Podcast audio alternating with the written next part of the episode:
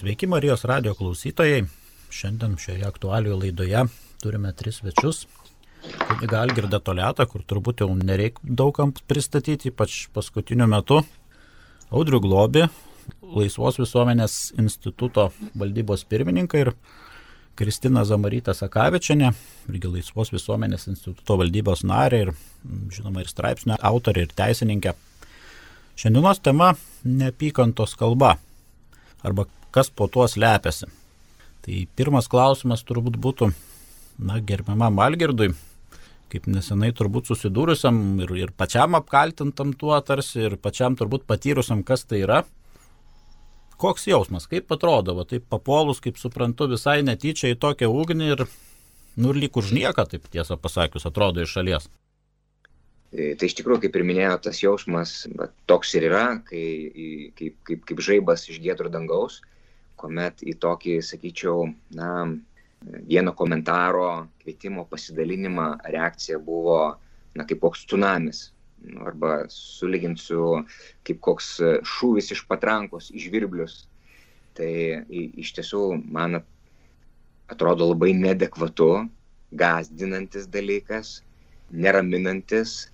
Be abejo, kad, na, labai nustebino tokia kalba, tiek neapykantos, nes kaip tik e, tema yra kova prieš smurtą, bet kad buvo naudojama ta kalba, kuri kaip tik ir yra smurtas - psichologinis, žeminimas, menkinimas, tyčiojimasis.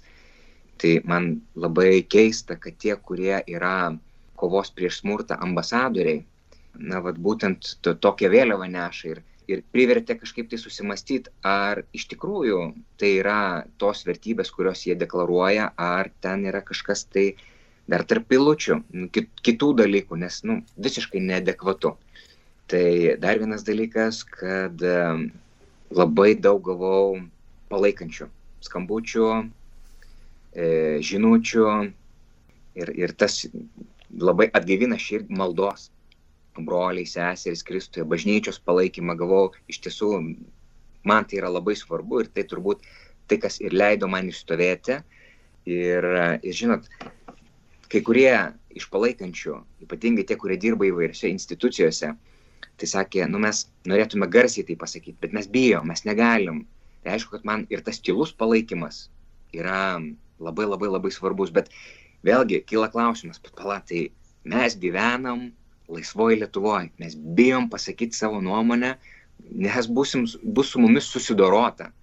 Tai mes švenčiame vasario 16, gėdam himną drąsiai, mes didžiuojamės ir, ir mūsų tauta, kaimynai Baltarusijoje palaikom čia, palaikom ten įvykius įvairiausius. O patys savo šalyje bijom ištarti žodį, nuomonę pasakyti. Ir pagarbiai, kam, kad nebūtume, kad su mumis nebūtų susidorota. Nu, tai va toks mat, man mano jausmas yra. Ačiū, Algirdai. Paklausim turbūt Kristinos noris paklausti, kas yra ta neapykantos kalba, nu, kaip, kaip teisininkės, nes nu, tikrai aš manau, kad daug kas tai yra girdėjęs, skaitęs, bet nu, nelabai įsivaizduoja. Kaip galima būtų ją įvardinti? Vieno neapykantos kalbos apibrėžimo nėra. Tiesiog yra, na, toksai bendras hate speech pavadinimas, kuris taikomas tam tikroms teisės normoms, kurios uh, galioja skirtingose valstybėse. Aš tai norėčiau galbūt pradėti tiesiog prisiminti jų net ir istoriją, kaip jos atsirado. Neapykantos kalbos normų istorija yra tokia įdomi ir labai įtempta, todėl kad, na, jai pagrindus tarptautinėje teisėje sudėjo būtent praėjusio šimtmečio komunistinių režimų pajėgos. Čia vakarietiškos valstybės stengiasi apsiginti nuo šitų neapykantos kurstimo ribojimų, kurie buvo įdėti į tam tikras tarptautinės sutartys, sakydami, kad mes na, turime toleruoti visokias nuomonės, demokratija turi būti atvira, bet būtent socialistinės valstybės savo pajėgomis, koordinuodamos pajėgas, sugebėjo įdėti neapykantos kurstimo uh, nuostatas į tarptautinius dokumentus ir jie pasklido po nacionalinius įstatymus. Tačiau ilgą laiką buvo taikomi labai nuosaikiai, kai kurios na, dešimtmečius buvo mirusios normos, tačiau kai tam tikros idėjos vėl su tam tikru tokiu marksistiniu, marksistinės paradigmos idėjos pradėjo vėl kelti galvas, tos neapykantos kurstimo normos vėl atgyjo ir pradėjo, atsirado tas naujas taikymo hate speech normų etapas. Ir dabar mes matome ir savo, savo valstybėje tokią įdomią situaciją, kai mes atrodo, kad esame savotiškai spraudžiami į kampą, į tam tikrus mums paspestus pastus. Iš vienos pusės yra inicijuojami šeimą ir litiškumą keičiantys įstatymai arba Stambulo konvencija Iš kitos pusės ta reakcija yra slopinama įvairiomis patyčiomis arba kažkokiais tai, na, draudimais socialiniuose tinkluose ir rengiantis priimti tas neapykantos kalbos normas, kurios padėtų taikyti ribojimus už tą taip vadinamą neapykantos kalbą. Kas yra ta neapykantos kalba? Jeigu taip žiūrint į tą pačią esmę, tai neapykantos kalba, tai paprastai sakant, yra suvokiama kaip neapykanta arba prievarta prieš asmenis ar jų grupės skatinanti kalba. Ir kaip rodo užsienio patirtis, tokios kalbos ribojimai yra formuluojami labai abstrakčiai ir jie įgyvendinami todėl arbitraliai tam tikrų grupių atžvilgių todėl jie tinka labai tai tapatybių politikai, kuri gina nelygės visų žmonių teisės, bet na, tam tikras grupinės teisės ir interesus. Kai mes galime kalbėti apie tokias grupės kaip na, LGBT, sakykime, moteris, jodaodžiai, musulmonai, kitos tam tikros grupės, kurios uh, turi taip vadinamą engiamos aukos statusą arba tokį politinį svorį, kuris leidžia joms apsiginti su tomis neapykantos kalbos normomis, jeigu, jeigu yra išsakomi kažkokie tai teiginiai, galbūt visai nekalti, galbūt visai ne nepagarbus, bet tiesiog netitinkantis tam tikros tapatybių politikos ideologijos, kuri na, neša tam tikrą kitokią šeimos sampratą, kitokį litiškumo, kitokią litiškumo sampratą į teisę na tai tada arbitraliai yra būtent taikomos tos neapykantos kalbos normos tuos teiginius išsakiusių asmenų atžvilgiu. O jeigu, sakykime, neapykantos kalba taikoma ne tų išrinktųjų arba aukos statusą turinčių šitų grupių atžvilgių, sakykime, nežinau, gali tai būti kažkoks žeminamas katalikas, ar užsienyje lietuvis, ar, ar daugia vaikia mama, ar baltaodis vyras, na tai neapykantos kalbos normos paprastai nesuveikia. Ir tos neapykantos kalbos normos dažnai iš tikrųjų jos yra tokios kaip daugiau priemonės, kurios skirtos lyg ir pagazdinimui, kad yra tiesiog draudžiama taip kalbėti arba tam, kad sukelti kažkokį tai rezonansinį skandalą, bet jos iš tikrųjų retai net ir užsienio valstybėse pasibaigia sankcijomis, kad iš tikrųjų žmogus būtų pripažintas kaltu. Tačiau tas bilinėjimasis ir tas visas rezonansas ar skandalas kainuoja brangiai asmenims, kuriems yra na, iškeliami tie tyrimai arba kurie yra apkaltinami tie, tie nu, neapykantos kalbos nusikaltimais. Ir, ir tie atvejai nuskamba garsiai ir visuomenė greitai išmoksta, kas gali grėsti už tą tapatybių politikai nepalankios nuomonės reiškimą. Todėl neapykantos kalbos normos, kaip rodo užsienio patirtis, jie turi žodžio laisvėje tam tikrą stingdantį poveikį arba chilling efektą angliškai yra vartojamas toks terminas. Tai jeigu nesutinki su valdžios primestomis idėjomis, na, tiesiog žmonės pajaučia, kad geriau patylėti. Ir tam tikra nuomonė yra sėkmingai užgneužiama. Ir tai leidžia sėkmingai generuoti viešojo konsensuso iliuziją. Neva kitaip galvojančių ir nėra, neva ta vat, tapatybių politikos ideologija arba tam tikra šeimos samprata, tam tikra litiškumo samprata, neva ir vyrauja visuomenėje. Tačiau iš tiesų tos nutildytos nuomonės, jos nepradingsta, jos nustumiamos į pogrindį, kur jų, na, užsienyje jau beveik nebegalima išgirsti, įvertinti, jos nebegali argumentuotai lygiavertiškai diskutuoti su ta vyraujančia nuomonė, na ir tai yra tikrai rimta žala tiek demokratiniai diskusijai, tiek na, piliečių laisviai. Ačiū, Kristina. Iš karto audrin noriu paklausti, taip, o kas, kodėl tarsi 30 metų gyvenam savo šaly, bet apie tą neapykantos kalbą, nu bent jau garsiau turbūt išgirdom tik dabar, bent jau, kad ruošiamės įkeisti statymą ir kažkas tai čia jų interpretacijos ar, ar vykdymas. Kas iš tikrųjų po tuo slepiasi ir, arba, nu gal paklaus tada, nu, gal tai nėra atsitiktinumas, kodėl dabar tai yra daroma, tokie įstatymo pakeitimai ar bent jau iniciatyvos. Manau, kad tikrai nėra atsitiktinumai, nes mes matom tos procesus, kurie yra planuojami padaryti. Ta prasme, tai iš tikrųjų bandoma keisti visuomenėje labai svarbius dalykus. Tai yra šeimos samprata, pačio žmogaus samprata. Ir neapykantos kalba, jos įstatyminis sugriežtinimas dar labiau suvaržys tam tikrą visuomenės dalį reikšti savo nuomonę. Ta prasme, šiandien mes matom nedekvačią reakciją į tam tikrus pasisakymus bet e, tą sugriežtinus įstatymais realiai, kaip pat Kristina minėjo, galima susilaukti ir, ir, ir tam tikrų sankcijų.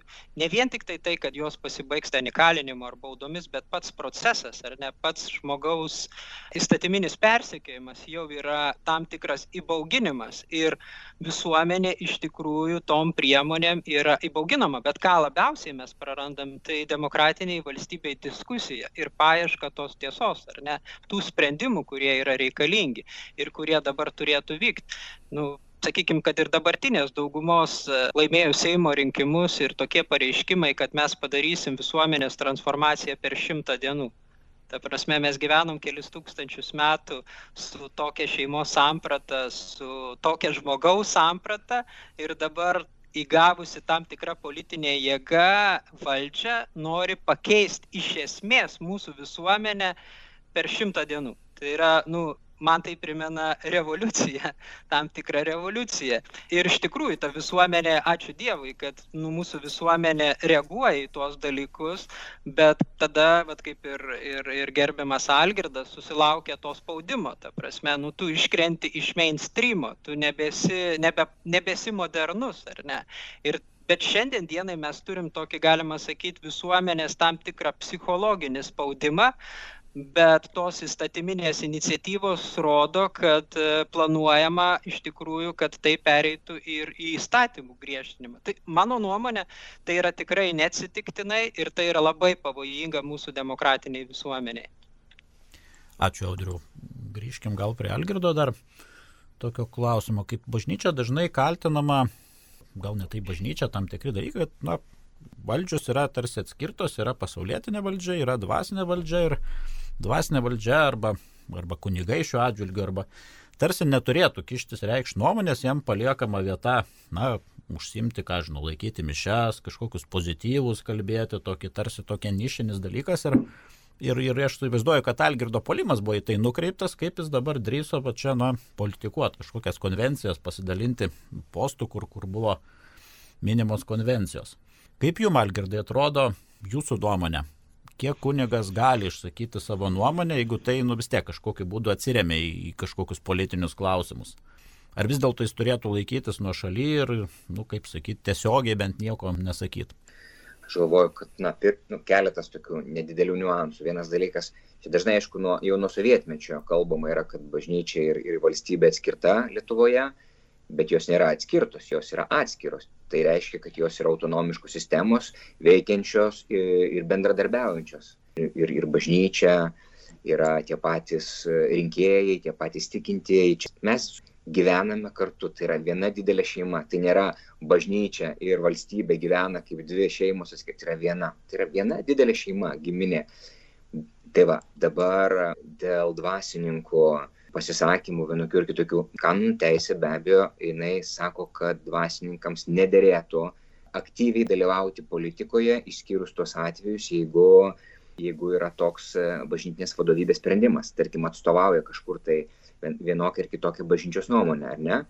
Tai bet, e, nu, žinot, kaip aktyviai dalyvauti politikoje ir, ir pasakyti savo nuomonę savo asmeniniam uh, Facebook'o puslapyje, tai gal nelyginkime tų dalykų, kurie, nu, visiškai neadekvatus. Tai, tai aš manyčiau, kad, žinot, aš esu šiaip e, žmogus labai ramus ir, ir, ir taikus ir, ir man visą laiką norisi surasti tą sprendimo būdą drauge, su pagarba ir pasitikėjimu. Ir, ir tiesą pasakius, niekas nepasikeitė mano, mano mintise, ir, ir, ir mano laikysenai, aš manau, aš ir toliau taip manau, kad ir toliau tik toks yra kelias ir tik tokia turėtų būti kalba krikščionių, tai reiškia argumentuota ir su pagarba, bet tai, kad mes turime kalbėti apie tuos dalykus, tai šitokia reakcija nedekvati ir, ir, ir va, ką Kristina kalbėjo apie grasinimus, tiesą pasakius, tai, na, šalia viso to jau visų negražių dalykų, kurie buvo aprašyti ir, ir spaudo, ir per įvairiausiais būdais. Taip pat gavau ir grasinimų, ir tokių susidoroti. Tai aš manau, kad, na, čia yra mūsų jau bendras reikalas. Nu, jeigu mes tylėsim, tai kas bus rytoj? Tai, tai, tai aš manau, kad mes turime mobilizuotis ir aš negi džiaugiuosi, kad, kad žmonės dabar e, priversti susimastyti ir ne tik tikintis, ir netikinti žmonės tai tiesiog tai yra argumentų kalba blaiviai mąstantiems žmonėms. Aš suprantu, kad dažnai va, argumentuojama, kad, nu, kaip čia, kartais yra tam tikros grupuotės žmonių, kurie, kalbėdami apie bažnyčią, ją sumenkina ir nori pasakyti, na, va čia viduramžiai ir viskas, ir čia visiška atsilikėliai. O, o kartu save pastato kaip modernų, ateiti, šio laikinės, nu, pasiema tai, nu, tai, kas yra madinga ir tada, vat, kaip jau ir Kristina minėjo, tas, tas, tas, tos lozungus parduoda kiti žmonės, žinai, kaip paaugliai.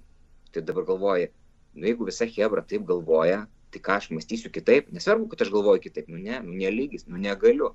Nu ir tokiu būdu, nors mes kalbam apie tam tikrą laisvę, liberalumą, bet bet tu nesi liberalus, e, liberaliai reikšti savo nuomonės, nes tokiu, tu nebegali eiti prieš tuos lozungus, kurie eina tavo, nu, tavo draugai, tavo, nu, ir, ir tokia masė. Tai va, tai aš manau, kad jeigu, kaip Biblijoje parašyta, žinot, sako, jeigu jūs nekalbėsit, tai akmenys jums šaukti, tai jeigu mes apie tai nediskutuosim, kas tada?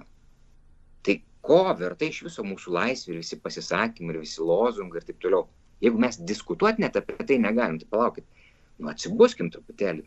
Aš tai manau, kad, kad čia, kad mes ne tik, galim, bet net ir privalom kažkaip pasakyti, kad, nu ne, taip, taip negali būti. Nes toleruoti nusikalstamą veiką, tai yra tas pats, kas bendradarbiauti su nusikalstama veika. Tai reiškia, kad jeigu aš matau nusikaltimą, kokio jis bebūtų pobūdžio, ir aš nutyliu apie jį, aš tampu nusikaltimo bendrininkas. Tai vat, mums šiandien reikėtų kiekvieno savęs paklausti, ar aš noriu tapti tuo bendrininku, vat, vat, nu, vat, to, tokios neapykantos ir tokio susidorojimo, kuris ateina, e, kuris, kuris nu, vat, į visą Europą ir, ir į mūsų šalį. Tiesiog esame visi paliesti to. Ačiū Algirdai. Paminėjot žodį Europą, tai kažkaip tai iškart mintis yra paklaus Kristinos, o kaip yra kitur? Kaip kitose valstybėse yra su nuomonės raiška, dvasininkų galbūt nuomonės raiška ar tikinčiųjų, ypač tose šalyse, kur, kur tie procesai jau pažengę daug toliau yra. Kaip tenai yra? Ar yra kažkoks persiekimas, iš tikrųjų yra kažkokių gal precedentų yra buvę?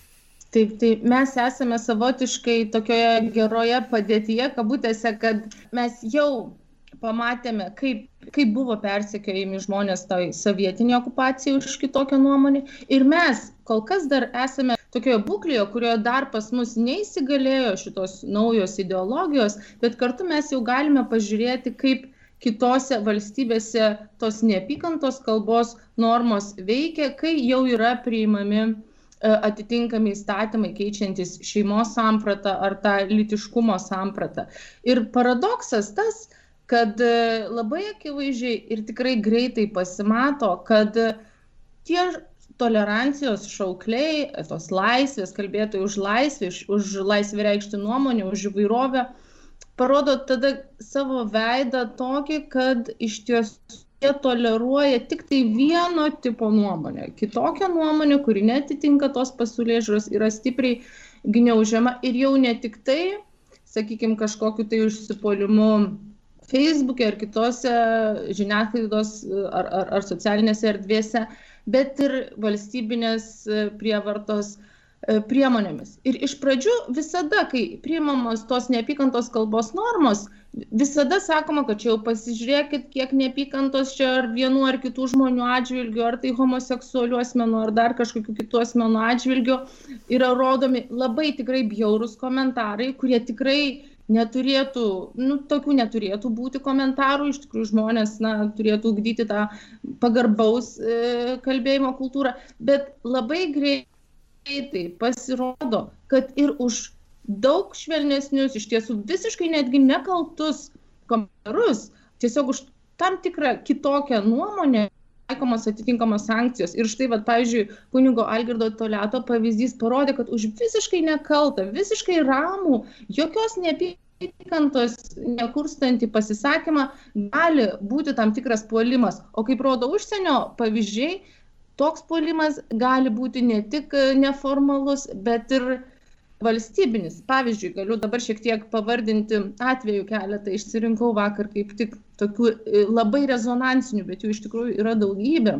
2012 metais, pavyzdžiui, Airijoje vyskupas Philip Boyce buvo apkaltintas neapykantos kurstim už tai, kad homilijos metu kalbėjo, jog bažnyčia. Tame kaltinime buvo paminėta ir tai, kad vyskupas homilijoje teigė, kad na tikintųjų gyvenimas skirtingai nei kitų nesibaigs tuštumoje. Ir jis iš tikrųjų šitas viskupas tik pacitavo iš popiežiaus Benedikto 16 2007 metų parašytos enciklikos frazę. Ir nors tyrimas baigėsi niekuo, kaip dažnai baigėsi tokiais atvejais, tačiau tai pats faktas, kad policija jį inicijavo, kad perdavė prokurorams, na, sukėlė tokį didelį skandalą, ir su antraštėmis, kad Airijos vyskupas kaltinamas dėl neapykantos kalbos. Na ir be abejo, niekas paskui nebebuvo paskelbta ir niekas nesužinojo, kad tyrimas buvo nutrauktas. E, vėl tais pačiais metais vyskupas Juan Antonio Reikla Madride sakė homiliją, kuri buvo transliuojama ir per televiziją. Vyskupas kalbėjo tiesiog bendrai apie nuodėmingą elgesį ir išvardino keletą nuodėmių, tokių kaip neištikimybė, vagystė, vengimas mokėti atlygį e, darbininkams ir tame kontekste jis užsiminė ir apie homoseksualumą. Dėl to kilo didžiulis skandalas ir viskupas po to buvo, na, turėjo pasiaiškinti, sutiko duoti kelis interviu, kuriuose jisai kalbėjo kad viskas, ką aš pasakiau, yra pagrista bažnyčios mokymu, kad žmonės, kurie turi polinkį į homoseksualumą, turi būti priimami su pagarba, užuojauta, švel, švelnumu ir kad bet kokia neteisinga jų diskriminacija negalima. Nepaisant to, LGBT organizacijų tinklai, tam tikros lobistinės grupės pateikė skundą generaliniam Ispanijos prokurorui ir na, visą tai lydėjo tokie didžiuliai skandalai, kad vis, viskupas patyrė ir tam tikras na, neigiamas teisinės pasiekmes. 2014 metais Ispanijos prokurorai pradėjo tyrimą dėl neapykantos kalbos prieš e, kardinolą Sebastianą Aguilar. E, už tai, kad jis pasakė, kad homoseksualumas yra netvarkinga litiškumo raiška. Ir vėl lobistinės grupės e, LGBT siekia, kad kardinolas būtų nubaustas, bet vėl tyrimas baigėsi niekuo. 2015 metais Šveicarijos vyskupui buvo pradėtas iki teisminis tyrimas, nes debatuose apie šeimą jis tiesiog pacitavo Senojo testamento eilutes. Vėl buvo pradėtas LGBT lobistinių grupių tyrimas dėl neapykantos kurstimo. Ir tokie atvejai lydi, na, ne vien dvasininkus, bet ir, pavyzdžiui, politikus ar, ar kitus žinomus veikėjus. Pavyzdžiui, buvusi Suomijos vidaus reikalų ministrė ir dabar yra parlamento narė, gydytoja tokia pat Sanen, kuri yra kaip taip pat ir penkių vaikų mama. Ji 2019 metais savo Twitterio platformoje po evangelikų liuteronų bažnyčios įrašų apie bendradarbiavimą su LGBT, nes tas, ta bažnyčia paskelbė apie tai, kad bendradarbiavo Pride 19 renginyje su LGBT, tai šita parlamentarė tiesiog pasityravo, kaip tai suderinama su krikščioniška lytiškumo etika ir pridėjo Biblijos susijusią citatą. Dėl tokio poelgio jį kelis kartus buvo apklausinėjama keturias valandas policijoje, įtariant nusikaltimu to neapykantos, už kurį jai grėstų dviejų metų įkalinimas. Taip pat Suomijos generalinis prokuroras atnaujino nutrauktą bylą, seniai nutrauktą bylą dėl lankstinuko, kurį e, šita parlamentarė buvo išleidusi dar 2004 metais.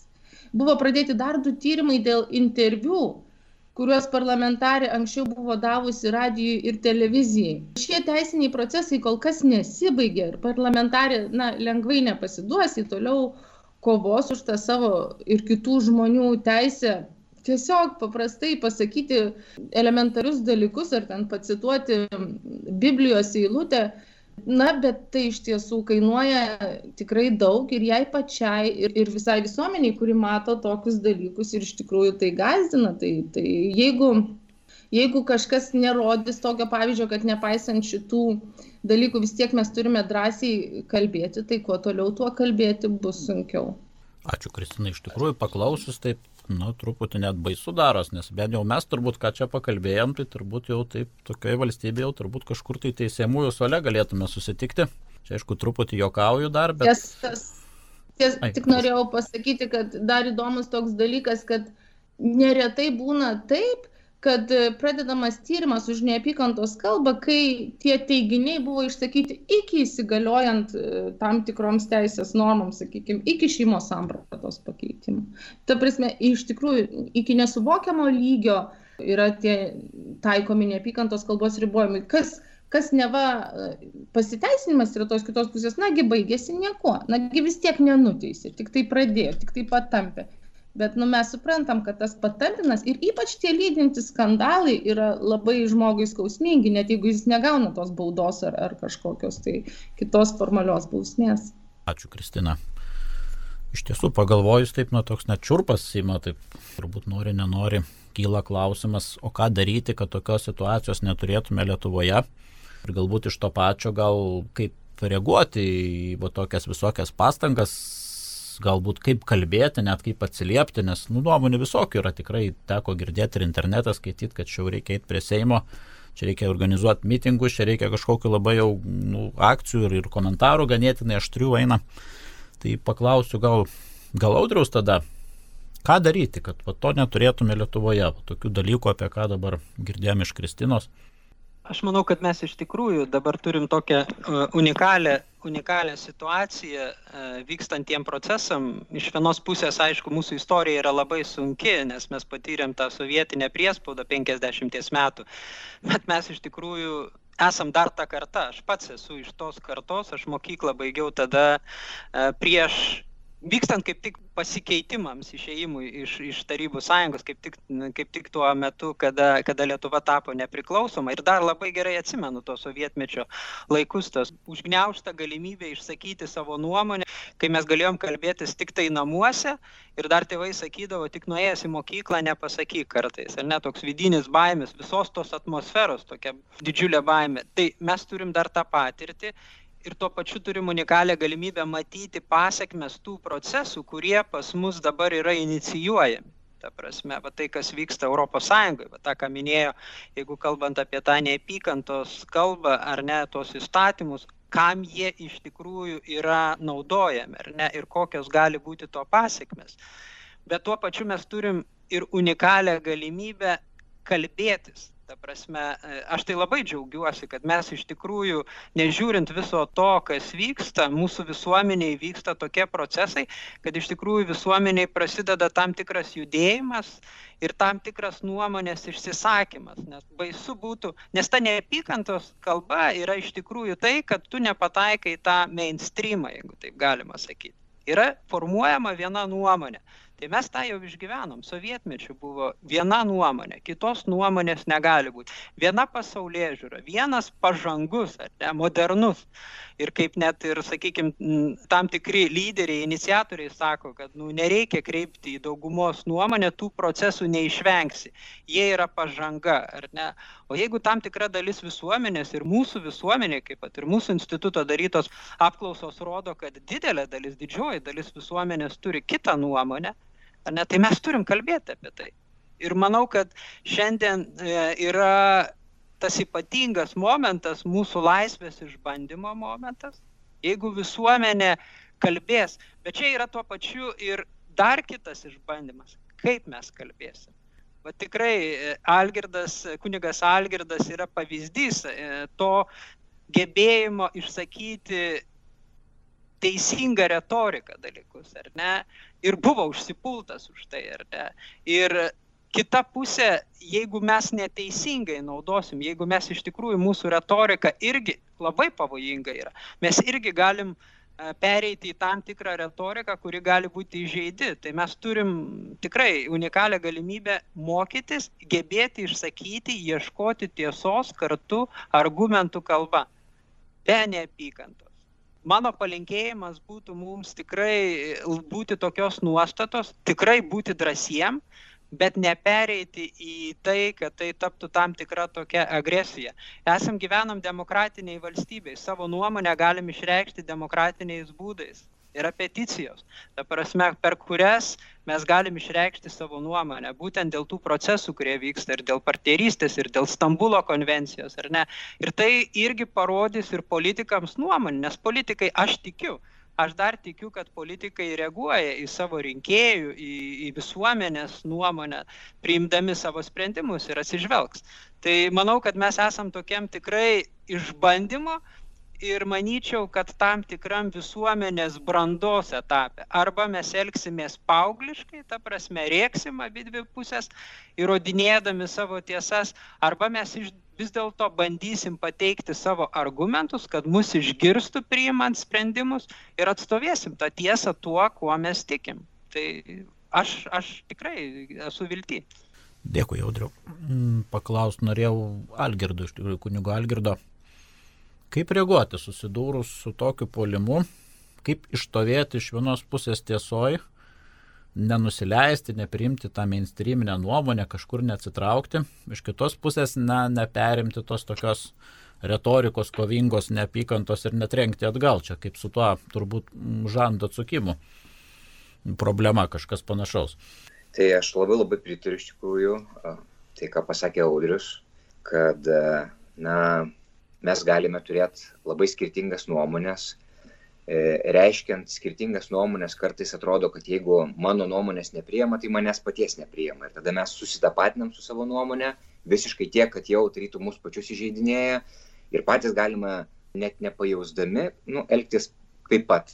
O tai yra nepagarba, tai yra nei krikščioniška, nei žmogiška. Nes jeigu mes kalbam apie žmogaus orumą, apie pagarbą, tokius visiškai bazinis bendražmogiškas vertybės, kurios apjungia visus tikėjimus, tikinčius ir netikinčius. Tiesiog, kurios apjungia žmoniją.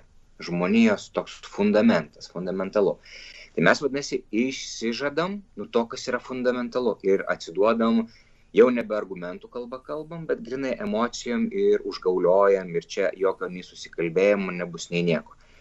Tai aš galvoju, kad e, jeigu ir, ir aišku, kai dar vienas toks dalykas yra, kai tave apipila purvais nuo galvos iki kojų. Tai yra tas noras, e, liktais, nu, vat, kerštas, kerštas kažkoks tai nepažadinamas pyktis, bet čia yra visiškai nesprendimas. Čia yra, nu, tai yra turbūt blogiausia, ką mes galim padaryti, tai kovodami prieš smurtą, naudoti smurtą. Nu, kitokį, patyčių formą, ten dar kažkaip, tai dar kažkaip, tai va. Tai be abejo, kad yra iššūkis nu ir ką ten, aš nežinau, kokiu tenais reikėtų pas psichologus paklausti, kokie tenai sako, skaičiuok iki, de, iki dešimt, kai tave labai sunerva, o tik paskui sureaguok, arba ten kaip ten tos patarlės, ten septynis kart pamatuok, ir ten kiek, kiek ten kartų matuoti reikia, o paskui kirp. Tai išlauk tos akimirkos, kada tu galėsi pasakyti su meile. Nu, reikia išlaukti tos akimirkos, kada galėsi pasakyti su meile. Ne tam, kad įkas, ne tam, kad pastum, ne tam, kad parodyti savo viršiškumą, E, bet tam, kad tu galėtum pasiekti tikslą, o tikslas yra tiesa. Nu, visų tikslas yra tiesa. Nu, tai vadinasi, mes nu, diskutuojančių, bent jau turėtų būti. Ne visą laiką gal taip yra, bet taip turėtų būti. Mes neturim prarasti šito, kad mes turime, tiesa padarys mus laisvus. Ir tada eiti į priekį ir nebijoti. Tik tai aišku, dar vienas dalykas, kuris yra labai labai svarbus ir ką mes galim padaryti, Tai, e, nu, kas būtų neteisinga, tai ir, ir, ir man pačiam pasitaikė net iš tų palaikančių žmonių, kurie man skambino, rašė. Žinot, iš tikrųjų, spaudimas yra didžiulis. Aš paskaičiavau e, per dieną, kiek aš skambučių gaunu, tai, tai vienos dienos skambučiai 92. Nu, aš nedirbu ten, e, suprantat, tai yra, nu, tai yra milžiniška. Aš neskaičiuoju žinučių, neskaičiuoju SMS, tų messengerių, neskaičiuoju laiškų, neskaičiuoju, tai yra milžiniškas krūvis, kuriam atsilaikyti, tai, tai, jau, yra, tai, yra, tai jau yra polimas Ir net nesvarbu, ar, ar, ar iš negatyvios pusės, ar, ar iš pozityvios pusės ateina tas, tas, tas visą tai tas rautas, bet tai yra didelis iššūkis. Tai aišku, aš suprantu, kad žmonės ir, ir, ir nenori, ir bijo, ir galvo, kaip čia dabar bus, ypatingai jeigu yra tas, na, ta bendroji m, mm, tokia tendencija. Bet jeigu mes dabar, nu, tiesiog neimsim ir nepradėsim kalbėti, čia neina kalba e, apie kurstimą mm, neapykant, jokių būdų, ar ten kažkokios tai tenais nepagarbios kalbos, Me, bet mes turim išsisakyti, nes jeigu mes neišdrysime išsisakyti, ką galvojam, net ir savo draugam, giminaičiam dar kažką parodyti, nu tai vadinasi, kas garsiau šaukia, nu tai tai bus peraukta, peršaukta ir tai bus priimta kaip bendra nuomonė. O kalbant apie kažkokius tai, tarkim, mm, net ir tuos teisinius e, įrankius, ne, nu, tai e, politikai, valdžios atstovai, jiegi e, atstovauja tautą, ar ne? Tai jeigu tauta kalba, tai jie girdi, jeigu tauta tyli, tai irgi girdi tylą. Tai reiškia, nu, tam tikrą išsakytą arba neišsakytą poziciją keičia ir tautos vadovų, nu, kaip čia pasakius, tokį, na, reakcija ir jų, aišku, jie ir kaip žmonės, bet jie ir kartu atstovauja. Dėl to, kuo labiau mes drąsiai kalbėsime, bet be pykčio, su pagarba ir, ir, ir, ir, ir kartu neprimetinėdami, nebandydami perėkti, nebandydami įtikinti, nebandydami kažką ten, nežinau, mm. Su, su ta pačia agresija kažkokia tai arba įrodinėjimu, nelyzdami kažkur ir neprievartaudami, kad tu daryk dabar taip. Nes čia aš manau, kad būtų blogiausia, ką mes galėtume padaryti, tai vad šitai. Mes turime kalbėti į sąžinės. Į žmonių sąžinės, į savo sąžinės ir į kitų žmonių sąžinės. Ir paskui leisti žmonėms apsispręsti patiems. Su, sužadinkime, kad, kad žmonės skaitytų apie tą, apie, gal ne visi perskaitys e, konvenciją, bet tarkim, bent jau tam tikrą ekspertinę nuomonę išgirstų vienokią, kitokią, trečiokią, dar daugiau pasigilintų, pasidomėtų, padiskutuotų pagarbiai. Vat šitai yra labai svarbu ir, ir tada tikėtina, kad tai gali turėti net ir, ir tikrą galę, realią apsisprendimo, mūsų laisvės galę. O, o šiaip, žinot, kaip aš dar pagalvoju, va tokį dalyką, nu, žinot, kai, kai tave ištinka tokie dalykai ir ypatingai netikėtai, tai, tai visokių tokių minčių ateina ir aš, aš galvoju, nu, ką pavyzdžiui žmonės tie, kurie tie, kurie gynė Lietuvą sausio 13, arba ten, aš įsivaizduoju, pavyzdžiui, Landsbergį Vytautą. O kas pas jį galvoje turėjo virti? Turbūt turėjo šimtus tūkstančių nu, iš draugų, sako, tu neleis, tu nedaryk, tu ramiai, tu tik tai, nu, tu, tu nesupranti, kuo rizikuoji, sistema tave suvalgys. Ir tikrai žmonės ėjo, jėgos buvo visiškai nelygios. Sovietų armija prieš beginglių žmonės, nu, ką tu gali padaryti? Nieko. Bet jeigu nebūtų to įvykę, tai nieko ir nebūtų įvykę. Būtume kaip ir šiandien kaip mūsų broliai baltarusiai. O gal dar blogiau būtų. Tai aš manau, kad e, tiesiog čia yra gyvybės ir mirties klausimas. Ačiū, Algirdai. Matau, Audrius kelia ranką. Tai. jo, aš norėčiau pantrinti e, Algirdui. Tikrai, aš manau, kad mes turim tikrai unikalią galimybę ir unikalią galimybę, žinau, tikrai e, bendraujam ir su kitų šalių aktyvistais, žiūri mus dabar, ta prasme, į tuos procesus, kurie vyksta ir kaip jie įvyks nes tose šalyse, e, toj pačioj Vokietijoje, Prancūzijoje, Ispanijoje, ar net tie procesai, kurie yra pavažiavę ir kur jau mato va, tuos procesus, tų procesų realias pasiekmes, vaisius, ar ne, ieško sprendimų. Tam tikros visuomenės grupės ieško sprendimų, kaip išeiti iš tos situacijos. Ir aš manau, kad mes turim unikalią galimybę tapti tuo pavyzdžiu ieškant sprendimo tai yra ieškant teisingų teisinių sprendimų atitinkančių tikrovę ir tom visuomenės grupėm kad jos rastų tinkamą vietą mūsų visuomenėj bet nesulaužytų esminių dalykų kurie yra mūsų visuomenės ir valstybės pagrindas tai yra šeima žmogus ar ne, jo samprata. Tai nėra atsitiktiniai, tik tradiciniai dalykai, jie tapo tradiciniai todėl, kad tai yra prigimtiniai dalykai, ar ne? Ir jeigu mes rasim teisingus teisinius sprendimus, aš net netmetu tokio varianto, kad mus gali kopijuoti ir kitos Europos šalis, ieškodamas tų sprendimų. Aš tikrai žinau, kad pavyzdžiui vokiečiai ieško tų sprendimų. Vokiečių politikoje vyksta dideli pokyčiai, ta prasme. Ir mes galim tapti tuo susikalbėjimo, paieškos, visuomenės keitimosi ir iš tikrųjų demokratijos pavyzdžių. Tai yra unikali galimybė. Ačiū, Audžiu. Iš tikrųjų labai, jeigu galima, dar tik tai vieną trumpą, labai, labai pritariu, kad mes turime matyti visą visuomenę ir taip pat ir mažumas. Ir iš tikrųjų mes privalome surasti būdus, kaip apginti jų teisės, nes visos teisės ir, ir, ir kuo labiau pažeidžiama grupė žmonių, kokį, tuo labiau mes turime pasirūpinti kaip visuomenė.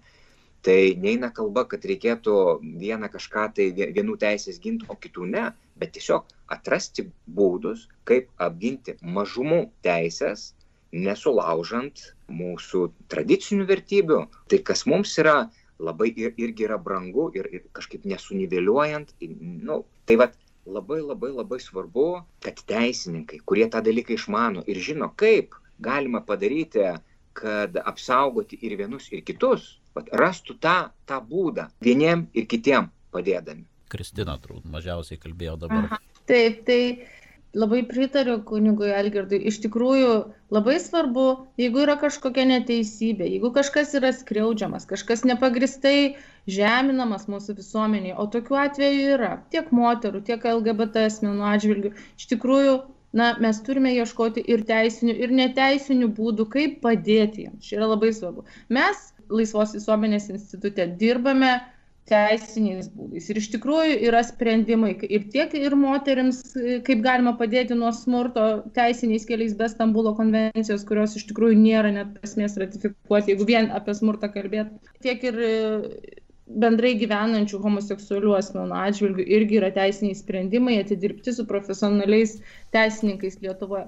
Jeigu mes kalbam apie neapykantos kalbos e, normas šioje laidoje. Tai ką aš noriu dar pabaigai pasakyti, kad mes turime suprasti, kokia yra svarbi ta žodžio laisvė ir demokratija ir šiaip kiekvienam žmogui tiesiog antropologiškai ir ypač krikščioniai, kurių vienas iš pašaukimų yra, na, kleisti, skelbti Evangeliją. O neapykantos kalbos normos yra gyvybiškai būtinos utopinėms ideologijoms, kurios pačios iš savęs neišsilaikytų nes jos na, negali argumentuotai diskutuoti su tiesa. Jos turi užčiaupti kitą nuomonę, kad, kad na, gyvuotų. O tiesa diskusijose apgina save pati.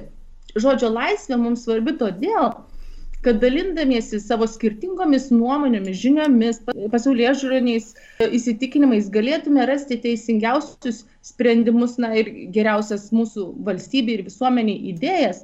Per tą dialogą mes pažįstame ir savo klaidas, atmetame kažkokius nepagristus įsitikinimus ir mokomės mėgsti ryšį vieni su kitais, net su oponentais ieškome bendro sutarimo.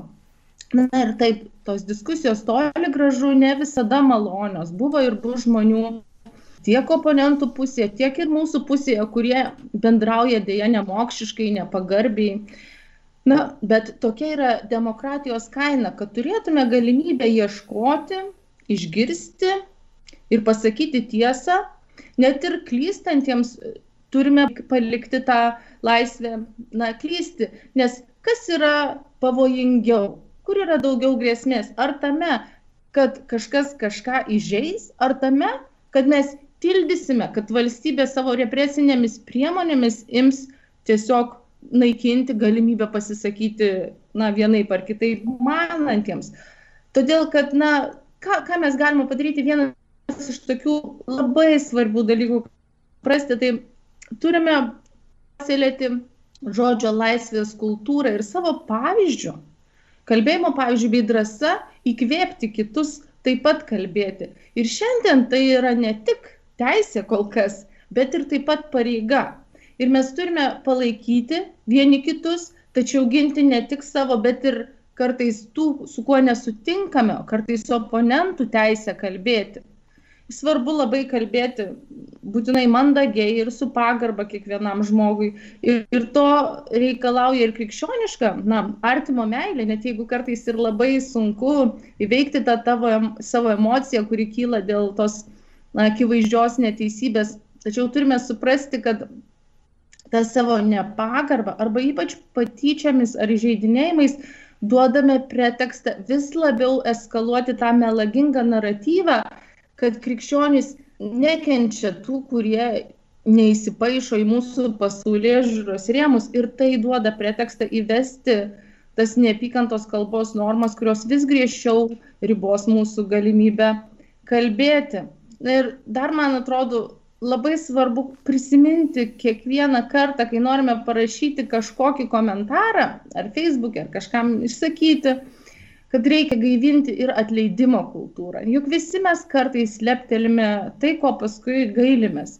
Na bet mokėkime atleisti vieni kitiems ir nepasiduokime pagundai, kuri labai kyla socialiniuose tinkluose, kurie įgalina na, priekaištauti arba kartais taip įsivažiuoja, kad tiesiog vyksta tam tikrai linčio teismai dėl vienokių ar kitokių pasisakymų.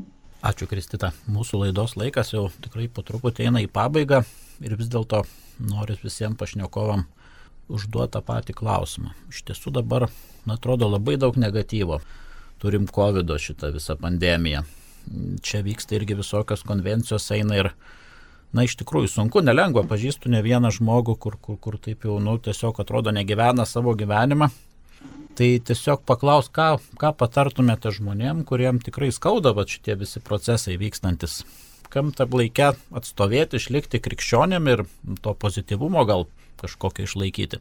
Tai pradėsim gal turbūt vis tiek, nu, kunigė Algirdai, man atrodo, kad čia jūsų daržas pirmiausia. Žinot, aš galvoju, kad e, čia, čia, čia mūsų visų daržas.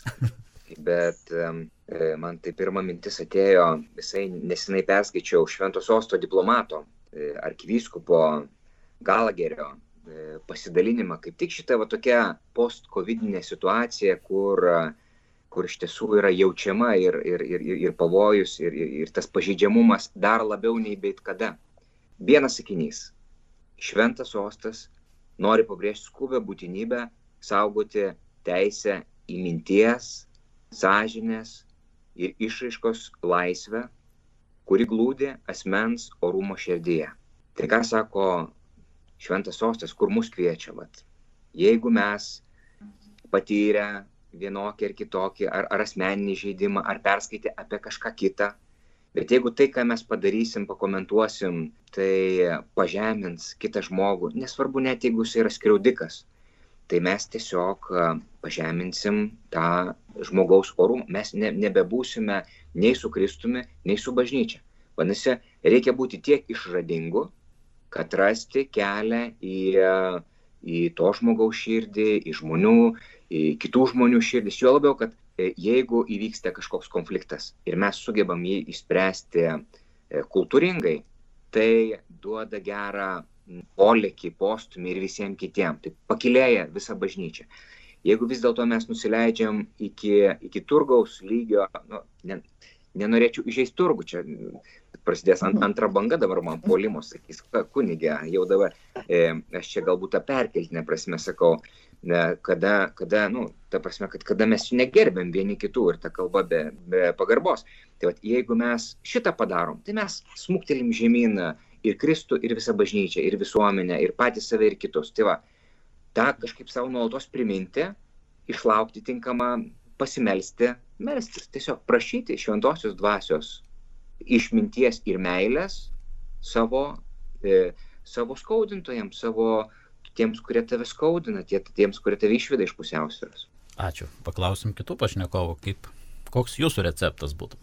Na, aš tai labai daug ko nebepridėsiu, man atrodo, čia daug kas buvo išsakyta. Nieko, išlikime drąsus. Kaip bebūtų, vis tiek gyvensime prie vienokių ar prie kitokių įstatymų.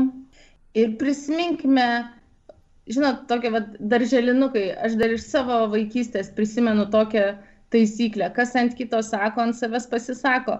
Tai taikinkime ir savo atžvilgių. Tai ir taip pat uh, supraskime, kad jeigu kažkas piktai reaguoja į mūsų pasisakymus, kažkokį tai pasakytą na, teiginį ar savo, savo idėją ir pažiūrą, tai žinokime, kad na, tai ne apie mus tie įžeidimai ir neverta labai jaudintis ir susikrimsti. Aš manau, Algirdas ir Kristina viską pasakė, aš tik tai galiu pantrinti ir tikrai man tai asmeniškai ir, ir tikrai kviečiu krikščionis į maldą Ta prasme, malda yra tai, iš kur gimsta pažinimas, supratimas, žodis, nepasiduoti tom emociniam tik tai jausmui, bet tegul viešpats kalba per mus, būkim jo lūpomis. Jeigu jo dvasia kalbės per mus, tai yra labai stiprus žodis, kuris turi savyje galę kaip Kristus, kaip Evangelijoje ne vienoje vietoje yra pasakyta, stebėjusi, nes jis kalbėjo su gale. Jame veikia tėvo šventosios dvasios gale. Tai aš tikrai linkiu, kad mes būtume tais krikščionimis, kurių lūpomis kalbės viešpats. Pasaulis išgirs tada. Man labai patinka šventojo Tomo Kviniečio pasakymas, svarbu tiesą išlaisvinti, o jis save pati apgins. Tai jeigu mes kalbėsim tiesą, per mūsų viešpaties skambės tiesos žodis, tai mums nereikia jos apginti, jinai pati save apgins. Ačiū visiems pašnekovam, buvo labai, labai smagu pakalbėti ir aš manau ir mūsų klausytojams tikrai bus, bus smagu girdėti ir jų pakels į dvasę ir galbūt atneš gerų minčių. Čia buvo laida apie, kalbėjome apie neapykantos kalbą, laidoje dalyvavo kunigas Algirdas Toletas, Laisvos visuomenės instituto valdybos pirmininkas Audrius Globys ir taip pat to paties instituto e, valdybos narė ir, ir, ir tikrai daugam jau labai gerai pažįstama ir, ir teisininkė ir galima sakyti turbūt beveik ir žurnalistė Kristina Zamarytė Sakavičianė. Ačiū, ačiū visiems. Sudė. Ačiū. Sudė. Ačiū.